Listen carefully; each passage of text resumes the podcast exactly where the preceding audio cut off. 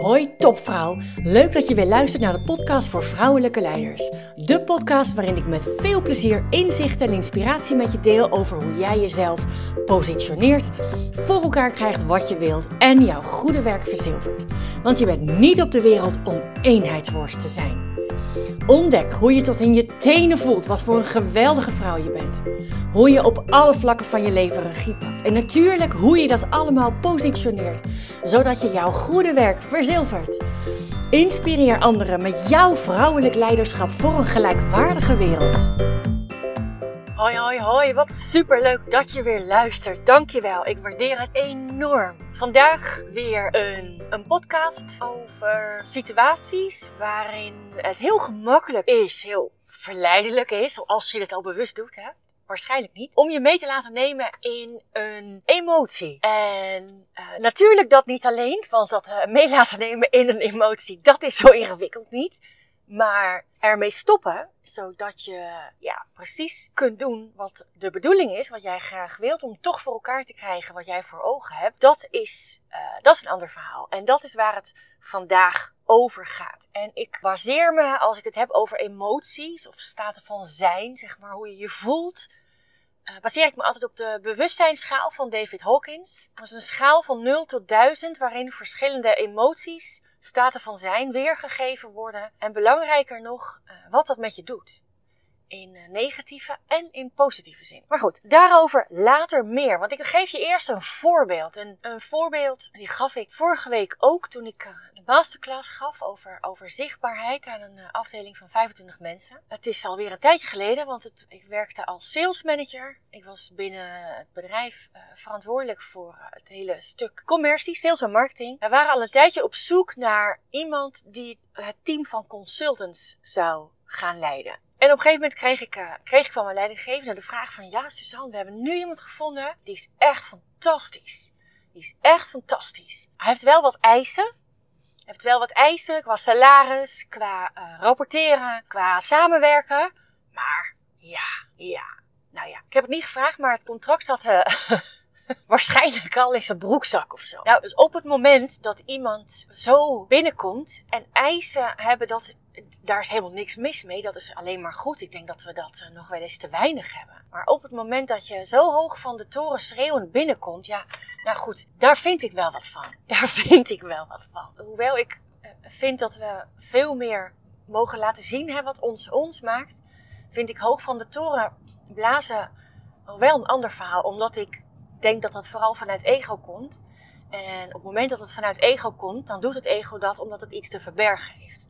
Dat is mijn, uh, mijn theorie daarover. Ze zeggen ook wel eens dat CEO's van bedrijven de meest onzekere mensen zijn. Omdat zij zo goed zijn in het verbergen van die onzekerheid, hebben ze het ja, zo ver weten te schoppen.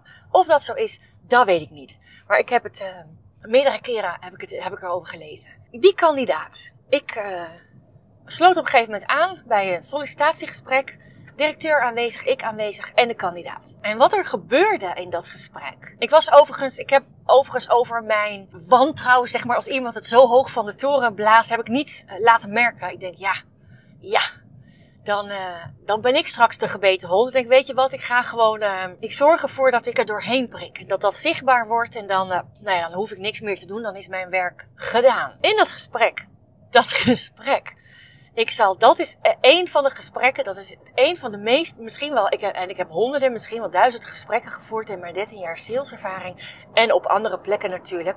Maar dit is er eentje uit de categorie, die ga ik nooit meer vergeten. Dat gesprek werd compleet gevoerd tussen, in dit geval, beide heren.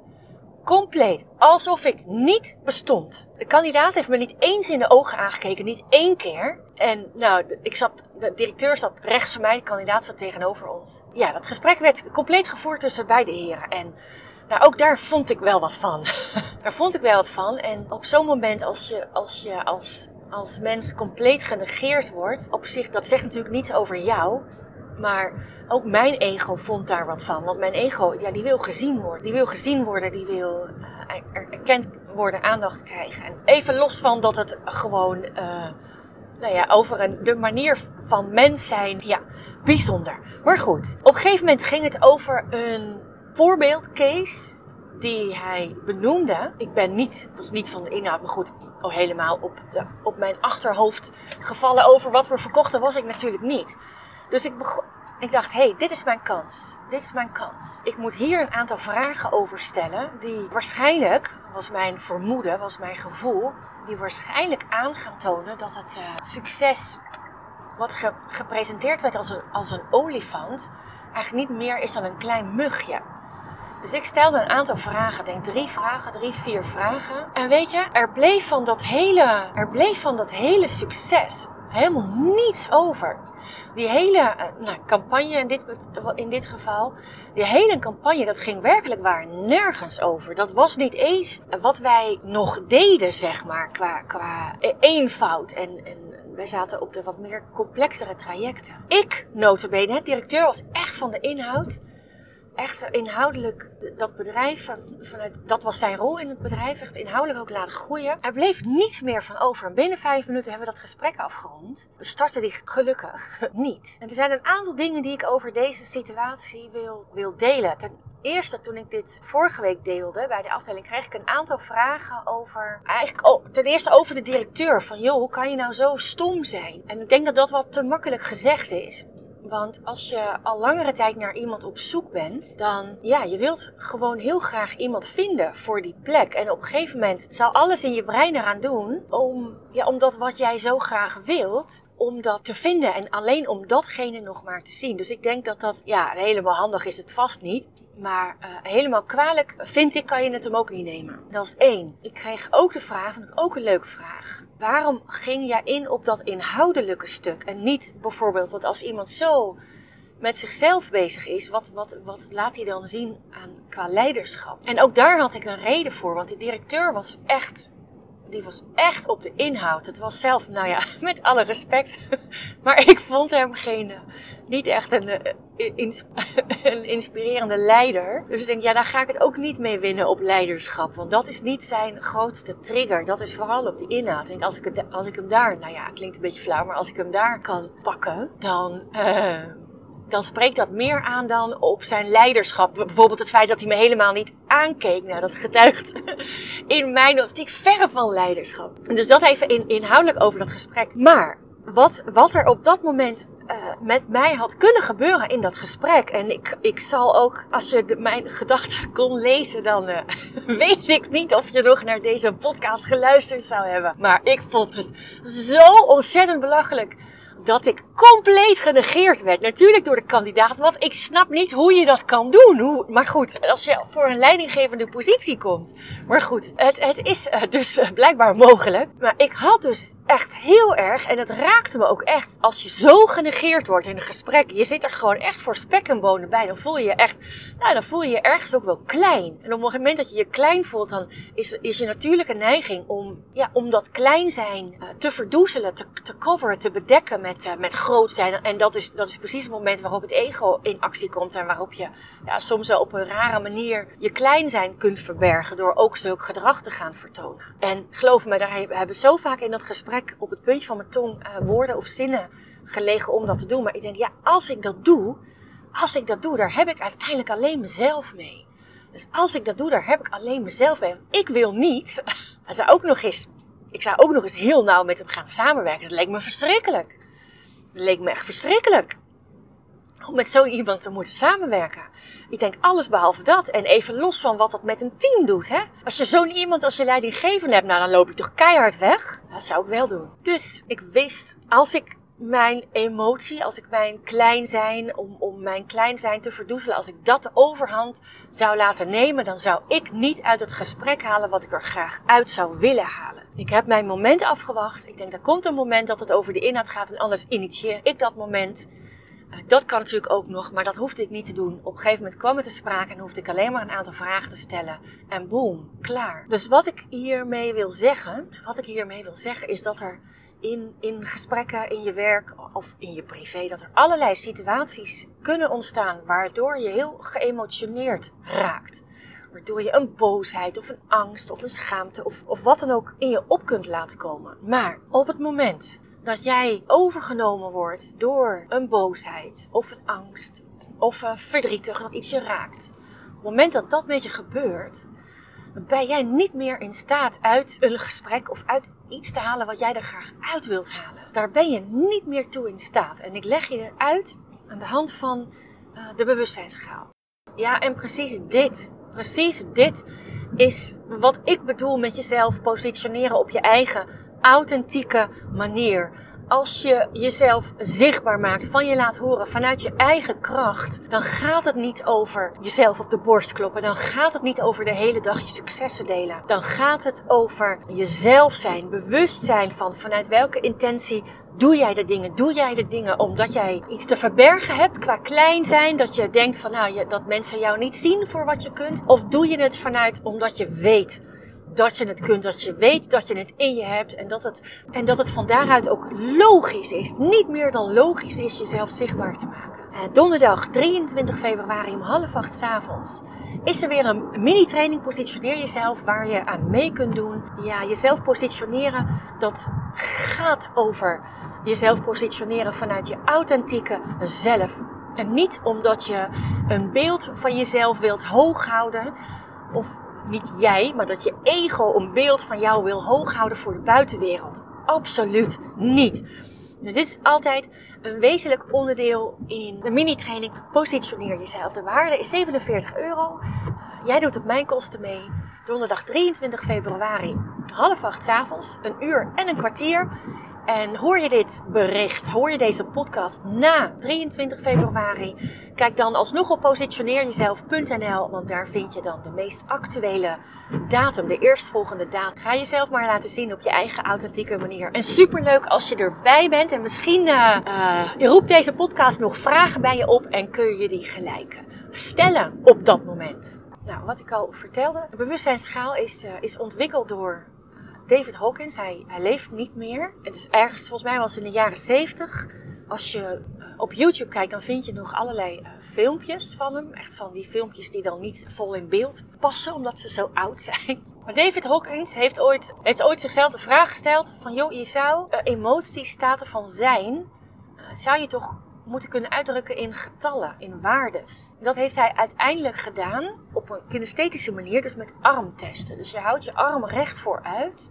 En als iemand een bepaalde emotie heeft, dus een boosheid of verdriet of juist een hele blijheid of dankbaarheid, de, uh, drukte hij dan die arm naar beneden. En vanuit een boze stand is het voor degene je arm wordt dan naar beneden gedrukt. En als je boos bent en je probeert je arm tegen te houden, dan kost dat veel meer moeite dan wanneer je in een dankbare staat van zijn bent, of in een blije of in een gelukkige staat van zijn. Dan is jouw kracht is veel natuurlijker. En zo heeft hij een schaal ontwikkeld van 0 tot 1000, waarbij 200 de kantelpunt is.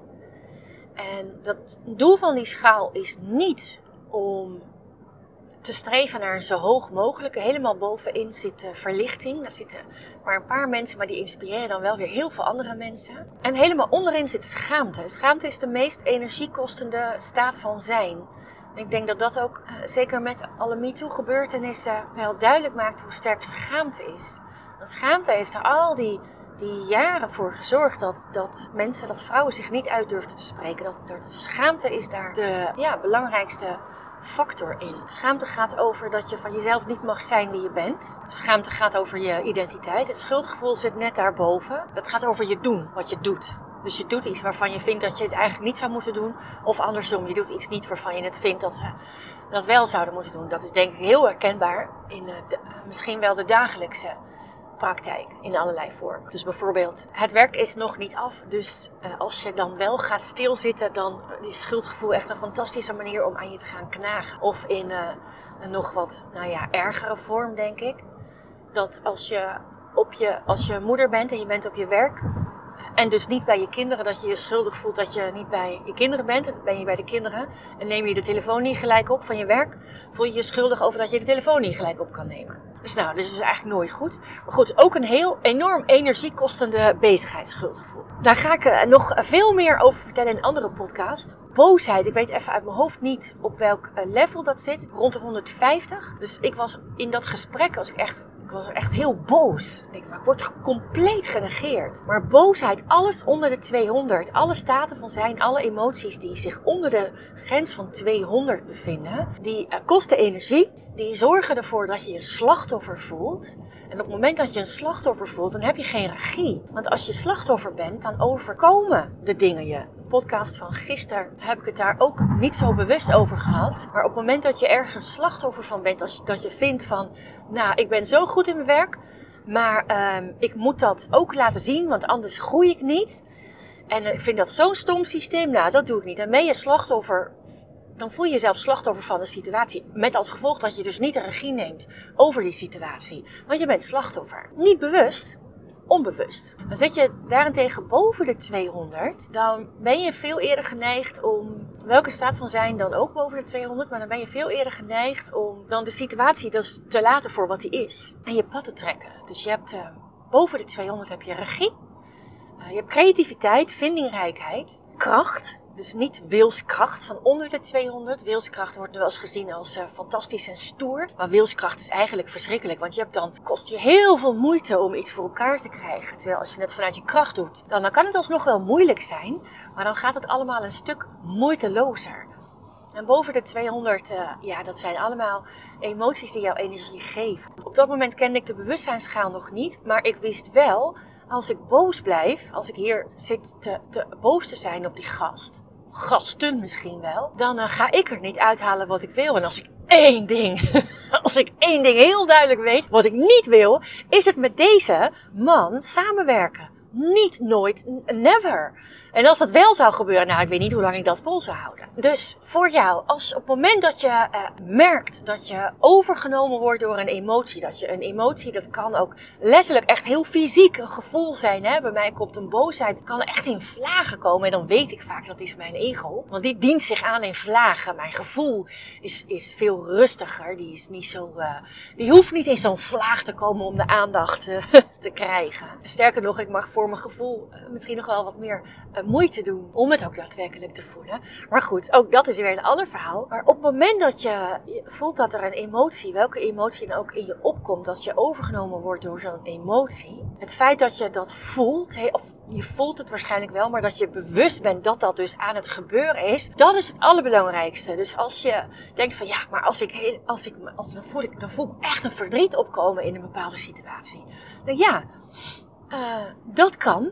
En hoe eerder je in de gaten hebt, dus hoe eerder je zeg maar de toeschouwer wordt van dat verdriet, van die boosheid, van die schaamte, of wat, wat je uh, staat van zijn ook is, die jou niet dient, uh, hoe beter. Hoe eerder, hoe beter. En dan hoef je niet te denken, oh, ik wil het niet, ik wil het niet, ik wil het niet. Nee, juist niet, want alles wat je aandacht geeft groeit. En als je iets heel graag niet wilt, nou, drie keer raden wat er dan groeit. Dus op het moment dat je dat in jezelf opvoelt komen, het enige, het allerbelangrijkste wat je dan te doen hebt, is dat je, je denkt, oké, oh, nou, blijkbaar word ik geraakt of zo in iets. Blijkbaar word ik geraakt. En het enige wat je daar, en je hoeft dat niet op te lossen, die geraaktheid, en zeker niet in zo'n gesprek, dat is allemaal veel te ingewikkeld, als je het al op moet lossen. Hè, daar zijn ook de meningen over verdeeld. Maar op het moment dat je, dat je die emotie erkent, dat je denkt, oh ja, Oh ja, blijkbaar word ik hier geraakt. Oh ja, oh jeetje, ik reageer wel, uh, het is wel, mijn reactie is wel aanwezig. Je hoeft het alleen maar even aan te kijken. Er alleen maar ja te zeggen. Niet van ja, wat vind ik het leuk dat je er bent. Maar gewoon ja, oké. Ik heb nu iets anders te doen. Dus dat is waar ik mijn aandacht op ga richten. Dat is het enige. En hoe eerder je daartoe in staat bent, hoe meer regie jij hebt in, in allerlei situaties hoewel de meeste gesprekken in je werk vaste leuke gesprekken zijn, zijn er ook altijd momenten die ja, moeilijker zijn. Mensen die moeilijker zijn, of mensen die jij moeilijker vindt om mee om te gaan. Misschien mensen waardoor je al eens uh, gekwetst bent of geraakt bent. Op het moment dat jij je uh, niet over laat nemen door je emotie, maar je emotie erkent dat die er is. En je bewust bent dat die er is, dan ontstaat er, dan ontstaat er regie. Acceptatie is een van de eerste levels, is een van de eerste levels boven de 200 die ervoor zorgen dat je, ja, je realiseert dat die situatie er is. En weet je, dat kan je toch niet meer veranderen. Dat hoeft ook niet. Het is ook al geweest. Het is ook al geweest. Het is aan jou hoeveel aandacht jij het vervolgens geeft. Uh, of hoe weinig aandacht jij het vervolgens uh, geeft. Het is aan jou wat jij belangrijker vindt. Je, zeker als je het in de gaten hebt, hè, je over blijven laten nemen. Ik weet niet of je me volgt hierin. Of je je ja, over laat nemen door, door je emotie. Of dat je denkt van nou, ik weet niet of dat wel zo handig is. Want ik wil dit. En als ik dat blijf doen, dan gebeurt er dat. Terwijl ik dit wil. Dus, nou, kijk maar. Kijk maar wat er uh, met je gebeurt. Ga, de, ga wat mij betreft de moeilijke mensen opzoeken. Ga oefenen. Ga ermee spelen. Want het geeft jou zoveel regie. Het geeft jou zoveel regie. En daar heb ik het nog niet eens over gehad, hè. Want op het moment dat jij... Op het moment dat jij je niet meer laat overnemen door emoties die jou niet dienen. Joh, dan ga je vliegen. Dan ga je vliegen. Dan hou je energie over aan het einde van de werkdag. Zeker als je op je werk in een wat, ja, misschien een beetje moeilijker situatie uh, zit. Qua drukte, qua wat er gebeurt, qua, nou ja, ik kan het zo gek niet bedenken waarom uh, werkplekken af en toe even moeilijk kunnen zijn. Ja, ga maar ontdekken. Ga maar kijken wat er met je gebeurt. Kan natuurlijk thuis ook, hè? Oefenen met je emoties. Hartstikke leuk om te doen. En zeker als je in de gaten gaat krijgen dat het werkt. Met je situaties kun je niet veranderen. Dat je overmand wordt door emoties, dat is wat het is. Dat is wat het is. En hoe bewuster jij je bent, dat heet niet voor niks ook de bewustzijnsschaal. Hoe bewuster jij je bent van wat bepaalde gedachten of een emotie of een situatie met je doet, hoe, hoe minder het uiteindelijk ook gaat gebeuren. Want het hoeft niet meer. Het hoeft niet meer. Het heeft ook geen zin. Het is allemaal te verklaren. Maar het heeft bar weinig zin. Dus, veel plezier bij het oefenen. Daag jezelf uit. En superleuk als je, als je met me deelt. Superleuk als je met me deelt. Suzanne Suzanneveldkamp.com. Veldkamp is met een V en een D. Maar ik vermoed dat je dat wel weet uh, als je mijn podcast luistert. Oké, dag lieverd, dag leukert. Tot de volgende keer. Doei doei. Dank, dank, dank voor het luisteren en help ook mij zichtbaar te maken. Dat doe je door deze podcast te delen met een collega, een vriendin, in een groepsapp of helemaal super op LinkedIn. Leuk om je daar te zien. Dag!